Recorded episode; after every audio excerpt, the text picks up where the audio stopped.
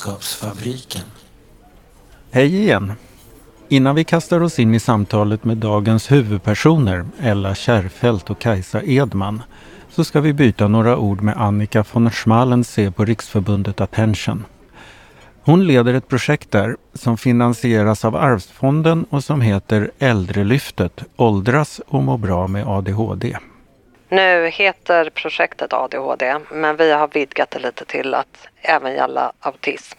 Mm. Ehm, men att personer med olika NPF, neuropsykiatriska funktionsnedsättningar, ehm, är en osynlig grupp i samhället. Mm. Och ehm, de, man pratar inte om det, man får ganska lite hjälp, få har fått en diagnos.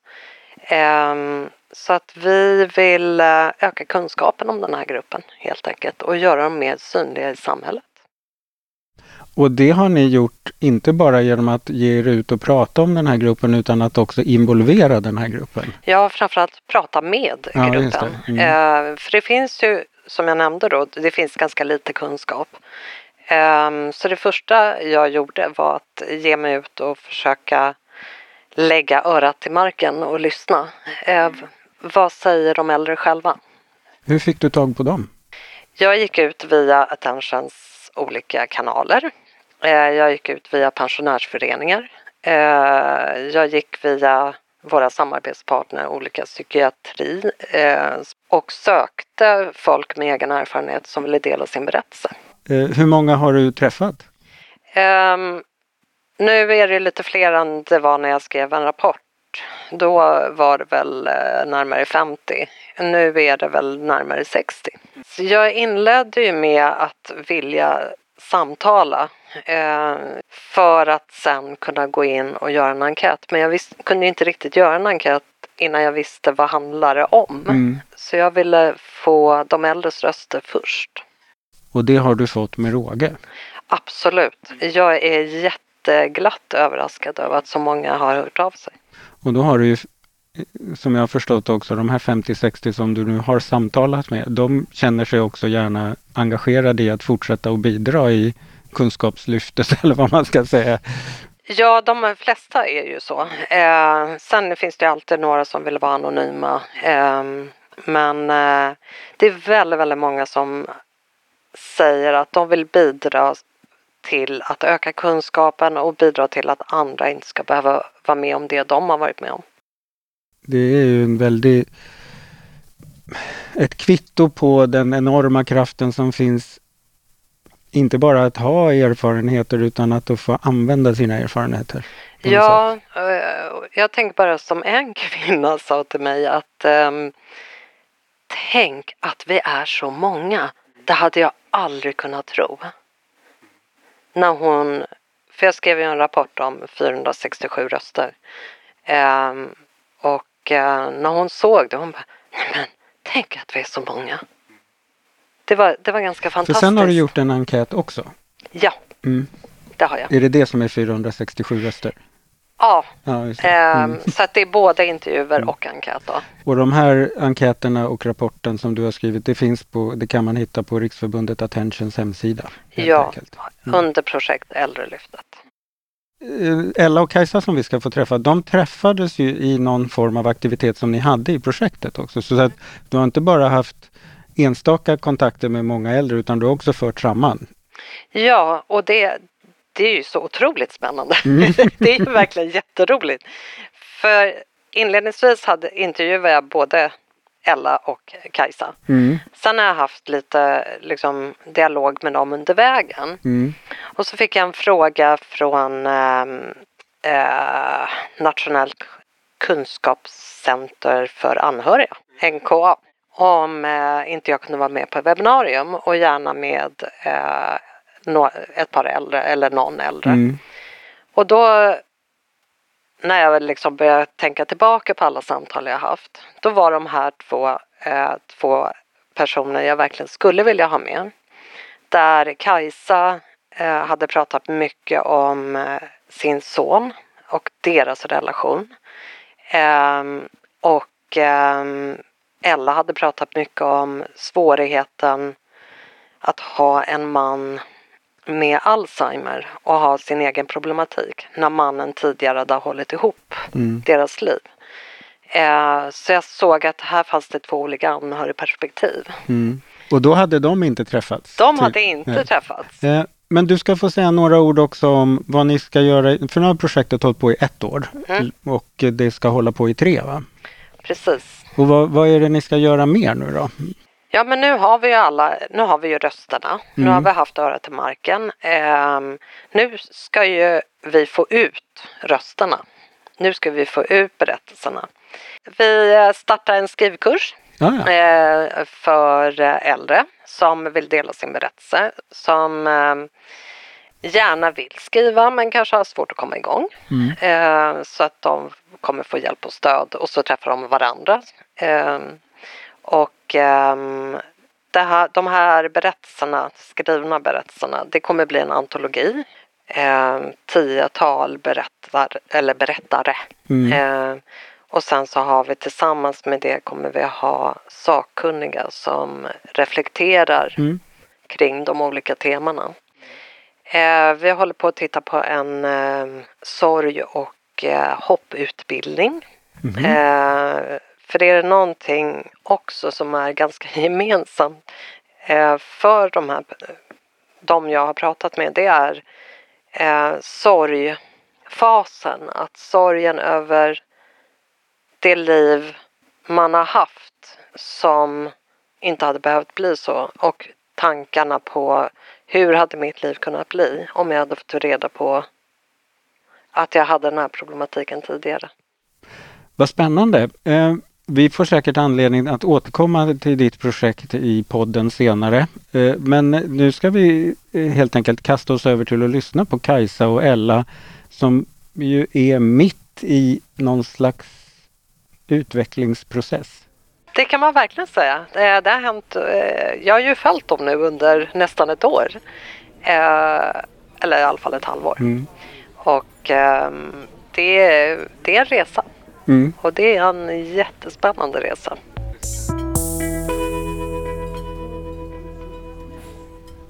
Hej, jag heter Ella Kärrfeldt, är 76 år och kommer från Stockholm.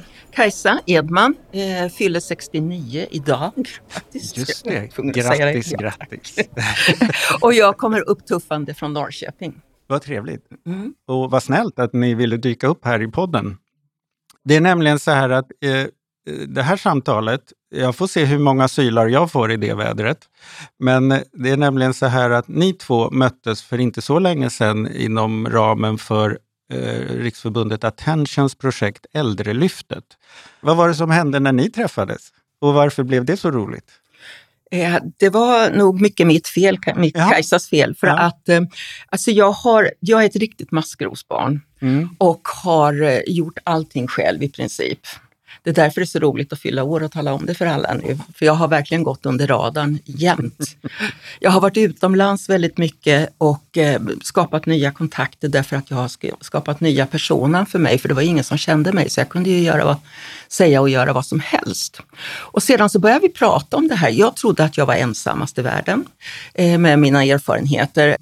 Och sedan så började jag och Ella tala eh, med varandra och, och diskutera vad vi hade gjort. Och sen så visar sig att, att Ella också har flera namn och att hon har gjort eh, saker själv. Och jag har tänkt mycket på det där, alltså omvärderat det mycket. Så att det var ju ett, ett eh, så häftigt möte och speciellt för mig då. Som Vi ska komma in lite senare på det här med flera namn, för det, det är en helt egen historia som, som ni också upptäckte. Men vad, vad vill hur tyckte du att det där första samtalet var, Ayla? Det var nog både skrämmande och eh, jättekul. Mm. Och skrämmande därför att jag på senare år, från att ha varit den här som aldrig håller tyst, som utan att tänka mig för ger mig i kast med allt med himmel och jord, för jag tror att jag klarar av allt med himmel och jord. Jag, jag, och när jag inte har gjort det, då har jag ju stängt den dörren. Så liksom, nej, visst klarar du det här. Men på senare år så har jag upptäckt något helt annat. Jag har upptäckt mig själv Mhm. och hur mycket tokiga saker jag håller på med. Och hur jag kan utan att blinka hitta på saker. Och det har nu, ja, jag börjar bli rädd för mig själv och för jag, vad jag gör. Därför att jag har nämligen en man med Alzheimer och Mm. plötsligt så ska jag ta hand om någon annan som tidigare har tagit hand om mig. Jaha, har han Och- varit din eh, skyddsängel på något Ja, sätt? Eh, på många sätt. Mm. Han har sett till att det inte har blivit för tokigt ibland. Jaha. Eller att eh, räkningar har blivit betalda och, Mm. fixat allt det här. Jaha. Men, nu är det jag som fixar det. men är det någonting i det här infalls och tokerierna som ni beskriver som ni hittade varandra i? Ja. Eller? Då upptäcker jag, jag tänkte också lite att så här ensam och så tokigt som jag håller på med, det kan inte finnas så många. Nej. Mina syskon var absolut inte så. Och så sitter här en annan människa som är ungefär som jag, som har farit fram som ett jehu. Ja. Men, men om man tänker så här, det är ju det är roligt och lite komiskt det här som ni beskriver och, och liksom man blir varm i hjärtat av eh, att man kan hitta någon slags hemvist i någon annan när man är gammal eller åldrande eller vad man ska säga. Men, men jag tänker också att det ni beskriver, man anar ju lite också om att ni har levt ganska länge, att det inte bara har varit enkelt att, att gå och tänkt att det är bara jag som är sån här. Nu kan ni ju blomma ut här och känna igen varandra, men hur var det innan ni hittade varandra? Bra. Eh, Jag hittade min identitet eh, via arbetet. Mm. Och jag arbetade gärna 80 timmars veckor. Mm. Och den kontakt som jag hade, jag var faktiskt en uppskattad eh, medarbetare och chef eh, emellanåt. Och, eh, så jag fick ut väldigt mycket av det och sen så gick jag hem och stängde dörren. Och gjorde ingenting? Nej. Nej. Och du då, Ayla? Ja, jag förstod ju redan när jag gick i skolan att jag hade problem i skolan. Jag hade läs och skrivsvårigheter. Att eh, jag hade varje, ungefär vid den här tiden varje år när man slutade skolan så var det inga roliga dagar. Då Mm. kom jag hem med urdåliga betyg. Men sen har jag den andra sidan också, den här påhittigheten och den tog då över. Så den där andra biten har jag hela tiden stängt dörrar till allt det här som jag inte har klarat av. Så någonstans har jag låtsats att det där inte har funnits. Men den här påhittigheten, kände du att det var en styrka? Ja, det Mm. var min styrka. Det var eh, alltså, göra roliga saker. Jag växte upp i en familj, vi var åtta barn, nu, en spann på 21 år, men ändå så var vi tajta, eh, ungefär fyra, fem stycken. Mm. Det var ju alltid jag som hittade på saker och ting. När det var jul det var alltid jag som såg till att det fanns en jultomte. Och oftast var det ju jag som var jultomten. Klädde ut mig. Alltså, Det är älskar att enklast klä så, ut mig. om man har en bra idé. Skrämma folk. Alltså mamma och pappa var borta en gång. Då gick jag och klädde ut mig till luffare och sen kom jag traskandes hem till gården. Och jag såg mina syskon, de, jag förstod att de låste dörrarna, stod bakom gardinerna och tittade. Gud vad jag tyckte sånt här var roligt. Mm. Jag har ju också en väldigt kreativ sida. Jag har ju skapat kläder och hållit på där och mått väldigt bra många gånger. Men sen har jag varit på arbetsplatser också där det är inte bara de som skapar utan andra också. Så att jag har väl känt mig ibland väldigt udda på många Mm. ställen. Där Alltså inte... för påhittigt udda? Eller, Nej, eller? nej, därför att jag inte, många saker jag inte riktigt har klarat av. Aha. Mm. Och eh, Är det ordning och reda saker? Ja, ordning och reda. Att, eh, alltså, jag är väldigt duktig på att läsa, läsa otroligt mycket böcker. Men när det gäller att jag ska snabbt eh, avskanna någonting, då är jag alldeles blank i huvudet. Då är det knappt jag kan läsa ibland. Mm. Alltså, då är det som om jag vore lite dum i huvudet. Mm. Och det har jag känt mig väldigt ofta, dum i huvudet. Det är en ganska tråkig känsla. Väldigt tråkig Mm. känsla. Och det inbillade jag mig i många år att jag var, hela skoltiden, eh, att jag var dum i huvudet. Mm. Men sen när jag kom till England och jobbade som au pair och där gick jag och läste engelska. Jag hade två olika kurser och jag gick där även att lära mig att konstruera mönster till kläder. Jag gjorde jättemycket. Plötsligt så upptäckte jag, då hade jag inte föräldrarna och familjen runt omkring mig. Det var ingen som såg vem jag var. Där kunde jag vara en annan person, lite som du säger också. Då var jag en annan person. Jag var inte den Ella hemma i familjen. Nej. Och då blev jag ju också en annan person. Det var ingen som talade om för mig att du är så här. Jag gick och läste engelska två dagar i veckan Ja. och jag gick en kurs där jag lärde mig att börja med att konstruera mönster för att göra kläder. Och det gick jättebra i engelskan i England. Det var ingen som brydde sig om hur jag stavade. Det var ingen som satt med pekpinnar. Och då kunde jag berätta, så jag pratade så munnen gick och le på mig. jag blev inte tillrättavisa en jättegullig familj där jag kunde liksom blanda svenska och engelska hur jag ville. Alltså, då då var, blev jag kanske den jag egentligen var för Mm. första gången i mitt Mm. liv. Mm.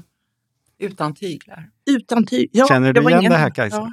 Nej, jag har, har ju eh, levt ett dubbelliv eh, Mm. väldigt mycket. Eh, där jag har gått under radarn där det behövdes och eh, ja, alltså jag var väldigt, väldigt mobbad så att, eh, jag har lärt mig det att vara osynlig. Var ju, Mm. och då är- ska man inte ha en kropp som är 1,81. Det är inte bra. Det är ingen höjdare. Nej. Är det svårt att vara under radarn då? Det är väldigt svårt att vara under radarn och eh, man är ju längst överallt. Mm. Inte ens, jag var det när jag var 12 år. Så att, eh, mm. Ja. Men eh, hur hanterar hur, hur gjorde du dig osynlig då? Ehm, ja, alltså jag, jag kom sent, eh, gick tidigt, eh, inga gatlopp vill jag springa Mm. och sedan så eh, så oftast så kände jag ju ingen för allting var ju nytt och sen så började jag med en och en och, och, och se, för jag har en, en radar om hur folk tar emot mig också. Aha. Ja, det är det jag använder namnen lite till. Så att är det Karin då vet jag att nu jäklar, nu är det allvar här. Nu måste jag skärpa mig. Är det någon som är Kajsa, ja, då kan jag fortsätta. Liksom. Eh, Nu måste vi ta det här med namnet. Ja.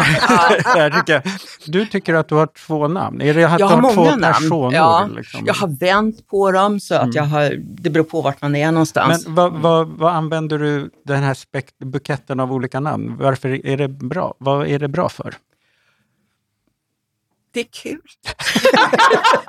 Det är okej, det får Ja. vara kul. Ja. Men är det också så att, eh, alltså, eh, jag tänker också, är det också ett skydd? Det är ett skydd Mm. naturligtvis. Ja, det var ingen som skulle hitta mig liksom om, om det skulle behövas. Mm. Utan eh, jag skulle verkligen eh, kunna, jag skulle kunna röra mig överallt, men ingen skulle kunna komma nära mig så att säga. Men var det så att du kallade dig för olika saker när du Ja. var ute i olika sammanhang? Ja, oh ja, sa ja. jag heter Karin eller jag Ja, heter jag har ju tre förnamn och två efternamn och sedan så när jag föddes hade jag några eh, efternamn också Mm. innan de bestämde sig. Så att eh, jag kunde välja liksom vad som helst. Och sen när man är ute, det är ingen som vill titta på passet när man är ute på krogen. Nej, Nej. precis. Nej.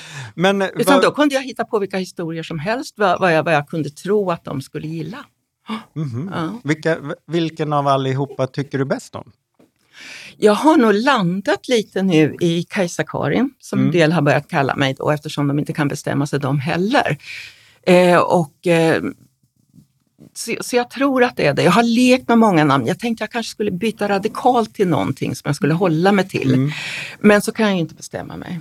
Men är det så att det är någon sida av dig som du inte känner idag att du kan få utlopp för som skulle behöva ett namn? Nej, inte nu. Inte nu. nu. Men det har- utan nu är det mm. helt vilt. Mm. Men har det varit så då tidigare med de här olika namnen att, att det här har varit mitt, varit mitt jobbnamn och här är jag flitig och duktig och jobbar 80 timmar och sen går jag hem och heter något annat? Mm. Ja, det, det var in, inga på jobbet som, som, som har kallat mig för Kajsa, utan det är bara Karin här i Sverige då. Mm. Mm. Ja, eh, jag tycker det är jättespännande. Ja. Men, men eh, alltså på något sätt så är det ju också lite sorgligt. Eh, tycker jag. Ja. Men det kanske inte du tycker. Men alltså, man önskar ju att, alla, att man har sitt namn och i det kan det rymmas allting som man är. Mm. Men i, i ditt fall kanske det var praktiskt att dela upp det. Ja, det har varit väldigt praktiskt. Jag hade ju ingen aning om att jag har, hade ADHD. Nej. Jag eh, diagnostiserades för ett år sedan. Eh, ända sedan jag började prata första gången med, med Annika så har jag börjat förstå att en hel del och, och varje sånt här webinar eller filmningar har, har alltså liksom bara öppnat upp en massa saker som jag, så jag går omkring här och oj, liksom och, och, och landar i allt det här. Eh, jag det är klart att det är väldigt mycket sorg runt det hela, att, att så mycket förspilt. Och jag, är, jag tillhör de jätte, jättesmarta. Mm. Eh, jag har blivit testad flera gånger och så vidare och jag har inte kunnat utnyttja det. Det är, tycker jag är väldigt synd. Kafferast i Kunskapsfabriken. Oftast när jag intervjuar personer med egen erfarenhet av någon ohälsa eller funktionsnedsättning eller diagnos eller så, så, så brukar ju det vara personer som har liksom äh, lämnat en bit bakom sig, som har gjort sin långa återhämtningsresa och kan berätta om hur det var förr och när jag upptäckte det och när jag fick diagnosen. Det som är spännande med er båda är ju att ni är mitt i den processen. Nykläckta. Ja, och det där är ju jättespännande för mig för att ta, få ta pulsen på det. Samtidigt så det blir det ju också ur vårt, eller mitt perspektiv som eh, poddpratare, eh, måste ju jag vara extra omsorgsfull. För att så som du beskriver det, så är det ju också så att det här är ett av de, ännu ett av de samtalen i den här processen. När du går ut ur det här rummet så kommer du se lite annorlunda på mm. hela din upplevelse Absolut. också. Så att du är fortfarande liksom in the making mm. på något mm. sätt. Eh, bara så att, för det, det, gör ju också det här samtalet lite udda för vår podd. Mm. Att, att vi kliver rakt in i när ni är i någon slags eh, virvelvind mm. nästan av både känslor och kunskap och glädje och sorg. Och, sånt. och det häftigaste i det här, och det, det, delar jag ju med Ella också, det är ju att vi har barn med ADHD. Mm. Så att jag kan se mig själv i min son i den processen när jag var i den åldern. Samtidigt som jag ser mig själv och, och liksom försöker lära mig det här. Då. Mm. Eh, det, det, blir ett sorts, eh, som man lever i parallella världar som möts och det mm. är otroligt häftigt. Eller jag vet inte, men jag tror att du jo, upplever det så jo, också. Jo, det är det. Och, men jag får berätta att jag har en son som är 42. Han är adopterad. Mm. När vi fick honom, då var han kring ett år. Då kände jag igen mig i detta lilla barn på något sätt. Som jag absolut inte förstod hur detta barn på en gång blev så nära mig alltså, han kunde ju inte gå, han kunde ingenting och så vidare. Och ju under hela hans uppväxt så har jag känt igen mig, en sån samhörighet med ett mm. barn som inte ens att vi är biologiskt. Nej. Och eh, han var ju kanske i, jag upptäckte sen när han kom i tonåren att han har ett problem och läste på och förstod då att han hade nog ADHD. Men det var ingen som kunde något om det då. Så att när han var i 30-årsåldern så gick han själv och eh, fick den här diagnosen. Och sen efter detta så hade jag börjat att lätta på locken lite grann och titta på mig själv. Som jag aldrig har vågat göra innan. Och sätter, ja men Ella, titta, det är ju därför du känner igen dig i Andreas. Du är ju som han. Du var ju som han när han var liten. Han gick på knäna, hade alltid stora sårskåpor på knäna, hål på byxorna. Ja, vem hade inte det? Mm. Alltså, jag var ju alltså den här som klängde och klättrade och for runt som ett skållat troll och hade alltid så lite här och där och så vidare. Och var där också jag ville kalla mig för Pella. Just det. Ja, mm. Och det var därför att jag fick en bok i julklapp tror jag. Jag minns inte hur gammal jag var, men jag var 8-10 år. Mm. Och jag tror hon hette Pella-boken någonting. Och den flickan, det var ju jag. Var det en och, sån där påhittig med eh, ja, sår, var, sår ja, på knäna? Ja, ja, ja, jag tappade bort boken. Men då kände jag, och jag tyckte att Ella var ett tantnamn, det passade verkligen inte mig. Mm. Så jag ville heta Pella, men det var ju ingen som ville kalla mig, tyckte jag var fånig. Har du så, behållit det för dig själv? För mig själv, ja. men in, aldrig, aldrig att jag har gjort som du, att jag har använt det utåt, aldrig någonsin, det har jag inte vågat. Mm. Utan det har jag liksom haft inom mig själv. Och som sagt var just det här att jag aldrig vågat prata med andra om mina olikheter eller min påhitt och när jag sett att det var för tokigt då lägger jag på locket där mm. så man liksom slipper det där. Ja, ja. Mm. Men jag tänker på det här när, ni då, när, man, när era barn hamnar i en situation att de får diagnoser och, och man börjar titta på att här finns det en kunskap och ni börjar se det där och förstår att, eller anar något samband. Va, vad händer i huvudet? Alltså, är det obehagligt att närma sig den där kunskapen eller eh, känns det... Hur, hur var det för er? Jag, min son hade ju då problem i skolan och eh, någonting så anar jag att det här är, det är någonting. Så jag började, jag köpte böcker och började läsa på. Mm. Och ja, det var väl både och. Jag ville så gärna ha ett namn på det och kanske att få hjälp. Mm. För jag visste att det, man kunde få hjälp. Men var, vi hittade aldrig någon som kunde hjälpa till. Och att ett ständigt springa till skolan och förklara saker och ting, det var jobbigt. Mm. Det var jobbigt på så sätt Hur länge att, sedan är det här, när han gick i skolan? Det är alltså ungefär 30 år sedan då. ja, det var när han kom till högstadiet. Och då är vi tillbaka i början tidigt 90-tal där och då Ja, var det inte precis. kunskapen fanns men den var Den- inte så etablerad. Nej. Ja, Mm. men jag hittade ju böcker och jag läste. Vi gick till psykolog och Mm. pratar och jag pratade ju så att det stod ut Men, men var det så också att när du satt hos psykologen och pratade och ni hade böcker, tänkte du mycket på dig själv då? Nej, det gjorde jag Nej. egentligen inte. För då var jag så upptagen av att Det var för få hans skull? honom Ja, åt ett Mm. håll. Så att även om jag alltid funderar på varför jag kände sån samhörighet och likhet, men det, har- det förstod jag inte. Jag tyckte det bara var så fantastiskt att adoptera ett barn som var som en själv. Det Mm. tyckte jag var så fantastiskt. Men Ja, att, att hitta Mm. den där, det var väl kanske, ja, för dryga 10 eller 10-12 år sedan eller kanske något mer, när han hade gått och eh, fått sin diagnos. Det var någonstans där som Som du började titta på dig själv? Ja. Mm. vå- vågade titta Mm. lite grann på vad jag hittar på. Så att det kanske då, men det först kanske tre, fyra år sedan där jag verkligen Ja. gick in i det och började fatta. Men jag har inte gjort någon utredning än. Nej, du har, du har inte fått någon? Nej, jag Eller? har varit hos några läkare och bett och en läkare undrar vad sjutton jag skulle med det till. Ja. Det, jag var för gammal, alltså tyckte ju jag var tokig. Ja. Och eh, då orkade jag inte bråka och så skickade de mig till psykolog och man skulle gå och prata med psykolog. Åh, Då är det bättre att få träffa Annika i Attention. Ja, jag ska säga att det, Annika var den första människan som lyssnade på ett alldeles speciellt sätt som jag aldrig upplevt. Eh, jag hade ingen aning. Daniel, det gick jättebra i skolan. Eh, jag, vill ju, jag var ju jätterädd att han skulle bli mobbad. Det visade sig att han inte var jag där och det var ju väldigt skönt.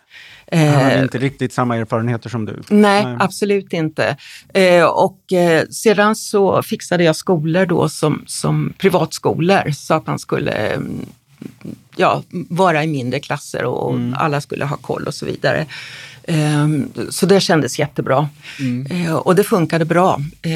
Och det var inte förrän han blev, kom upp i tonåren och tjejer, då började synas någonting. Och, och, men jag misstänkte ju inte, han, han studsade inte mellan väggarna som jag hade gjort då. Eh, och jag fattar inte mig själv så jag fattar inte honom heller där, utan det var en helt annan typ. Eh, jag är lik mormor Mhm. och Daniel är lik min mamma. Okej. Ja, så han är lik sin mormor. Är det olika uttryck på NPF-området då kan man säga? Eller? Jag tror det. Min mormor kunde jag ibland se eh, komma springande till tåget. Ja, I sista minuten? I sista minut. I, i, i, I mer än sista minuten, Okej. det är så vi gör. Mm, ja. Och liksom, ja, men hon, hon var helvild eh, och hon åkte till Ryssland på, på, på 60-talet och eh, tänkte, kommer hon tillbaka? Mm. Men det gjorde hon. Eh, min mamma var ju väldigt kursad utav det här liksom, Mm. och väldigt försiktig och rädd och så vidare. Du Och, behövt ta mycket ansvar själv kanske? Nej, Mhm. det hade hon inte gjort. Ehm, eh, men hon hade förlitat sig väl på, väldigt, på andra hela, hela tiden. Mm. Så att, att vi, vi har hamnat i olika hamnar, eh, Daniel och jag, men på samma sätt. Så att, eh, Men hur, hur, hur, hur började du göra det som blev hans ska jag säga, kunskapsgodset kring hans eh, ADHD. Ja. Hur, vad hände när, hur närmade du dig den och liksom, började du titta på dig själv med lite andra ögon då? Eller Nej. dröjde det? det Nej, jag dröja. fattar fortfarande ingenting. Eh, för han blev, han blev diagnostiserad för två år sedan, så Mm. det var ju relativt, han är 31 idag. Eh, så att det var ju också ganska sent. Eh, men jag förstod liksom inte det här, för min bild var fortfarande av de här gummibollsstudsarna eh, överallt och, och, och så vidare. Och Mm. Han var ju absolut, och han var ju klok ungen, alltså jag fattade ingenting. Eh, men, men, eh, men sedan så, så såg jag ju också, vad jag såg, det var ju att hela livet skavde. Och det hade det gjort då från tonåren, det märkte jag. Eh, så det, det var ju mycket eh, psykologsamtal så att han skulle få prata. Jag, jag la det ju på mig, det var ju naturligtvis jag som hade gjort fel. Du jag, var ju mamma, herregud. Ja. Det är väl alltid mammors Ja, fel? och jag, och jag var ju som jag var också. Det Ja. finns det ju mycket att ursäkta där också.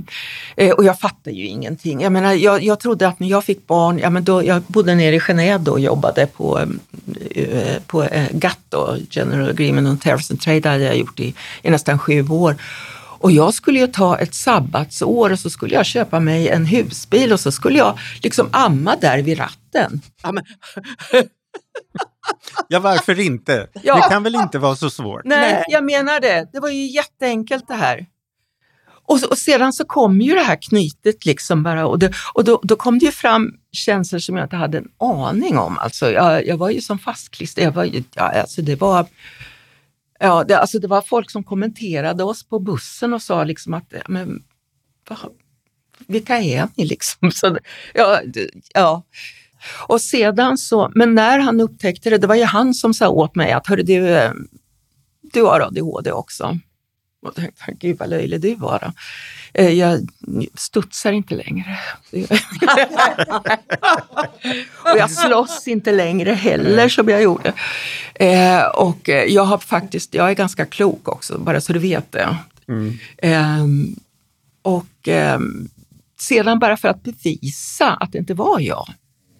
Och efter att ha läst om, om det här äldrelyftet och framförallt då i Läkartidningen om kvinnor och demens då på, på demensboenden som egentligen var, eh, hade ADHD då och eventuellt kunde komma tillbaka då att jag är jätterädd så jag tänkte okej, eh, jag ska bara bevisa det här både för mig själv och. Läkartidningen och Daniel då. Att, eh, men det var ju inte så, utan det var ju jag. Och då har jag ju börjat tänka bakåt på, på min mormor och på min mamma och, och förstått att äh, men herregud, det var ju därför det har blivit så tokigt allting. Eh, och, eh, och, och ganska häftigt också samtidigt och mycket på en höft och ja. Eh, så, så att då förstod jag det. Ehm, jag var ju ett maskrosbarn. Jag gjorde allting för att inte Daniel skulle vara det. Jag avskydde mina föräldrar. Eh, verkligen. Eh, och speciellt min mamma. Då. Mm. Och sen så har Daniel blivit bron däremellan. Så, så att jag förstår, jag förstår honom nu. Och, och, mer och mer. Och jag förstår också bakåt på ett helt annat sätt. Och när min mamma dog, alltså, det, alltså de sista åren var så här riktigt kärleksfullt. Alltså helt otroligt. Alltså jag är så glad över... oh, jag, jag tycker lite synd om att det är Daniel som var tvungen att göra det här. Då, men men det, han bara med sin blotta existens lyckades förena det här på ett sätt som... För din förståelse för det hela? På något sätt låter det som. Ja, alltså, Eller han kanske gjorde det handgripligt också som aktör? Nej, men- han, vi, vi möttes runt honom eh, och de hade varit urusla föräldrar. Men alltså, de var så fantastiska morföräldrar. Så det var, min mamma eh, var omhändertagande, hon gav sin tid. Hon hade ju jobbat och väldigt mycket eh, som ensamstående innan hon gifte sig med, med eh, sin, sin tredje man, sin nya man. Eh, och eh, det blev ett helt... eh, Och hon hade accepterat mycket hos sig också. Eh, Hon, hon hade ju väldiga problem, eh, psykiska problem. Eh, och eh, så att, eh, och, på- och på, på åldern, hon blev 93 år och, och det, det liksom, hon, hon såg mig då för första gången. eh, som den jag var och, Mhm. och uppskattade Mm. det på ett helt, helt annat sätt. Förut hade jag bara varit den som stack iväg till Mm. krigszoner och inte fick det någon brev och det fanns ingen, ingen mobil och inga ja. internetcaféer och sånt där tjafs. Jag tänkte på en annan grej, det här nu att ni är mitt i en kunskapsgenerering eller vad man ska säga. Um, om det hade funnits kunskap om ADHD när ni var unga eller barn, vad hade blivit annorlunda för er?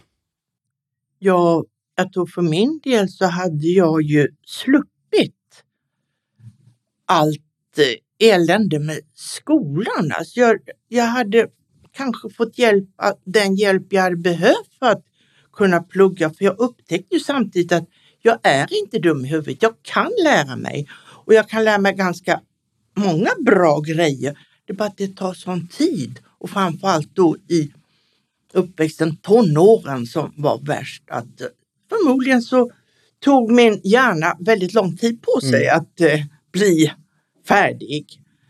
Och hade jag fått hjälp där så tror jag att jag hade kanske fått lite mer styrsel på mitt liv. För jag tycker att jag har farit runt som ett Ja, jag har gått på skola här och där. Jag har farit runt i hela Sverige och bott på så himla många ställen.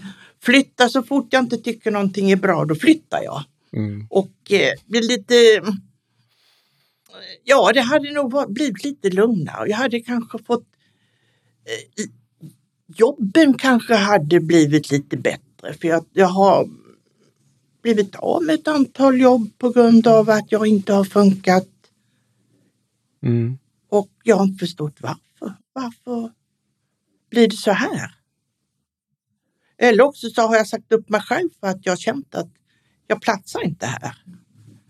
Det hade jag nog, ja, det hade varit jätteskönt att fått den där hjälpen.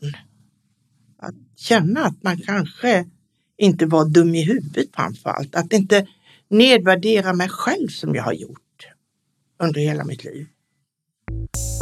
Hur vet vi vad som är bra? Hur vet vi att det blir bättre?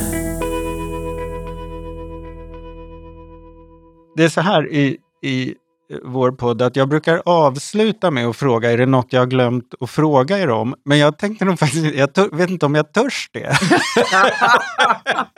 För då kommer jag behöva sitta här en timme till. Men, Antagligen. men då tänker jag istället så här att eh, om vi säger att jag träffar er om två år och eh, spelar in en ny, ett nytt poddsamtal med er två. Vad tror ni, att, vad skulle ni, när ni tänker idag, vad skulle ni vilja kunna berätta mer om då?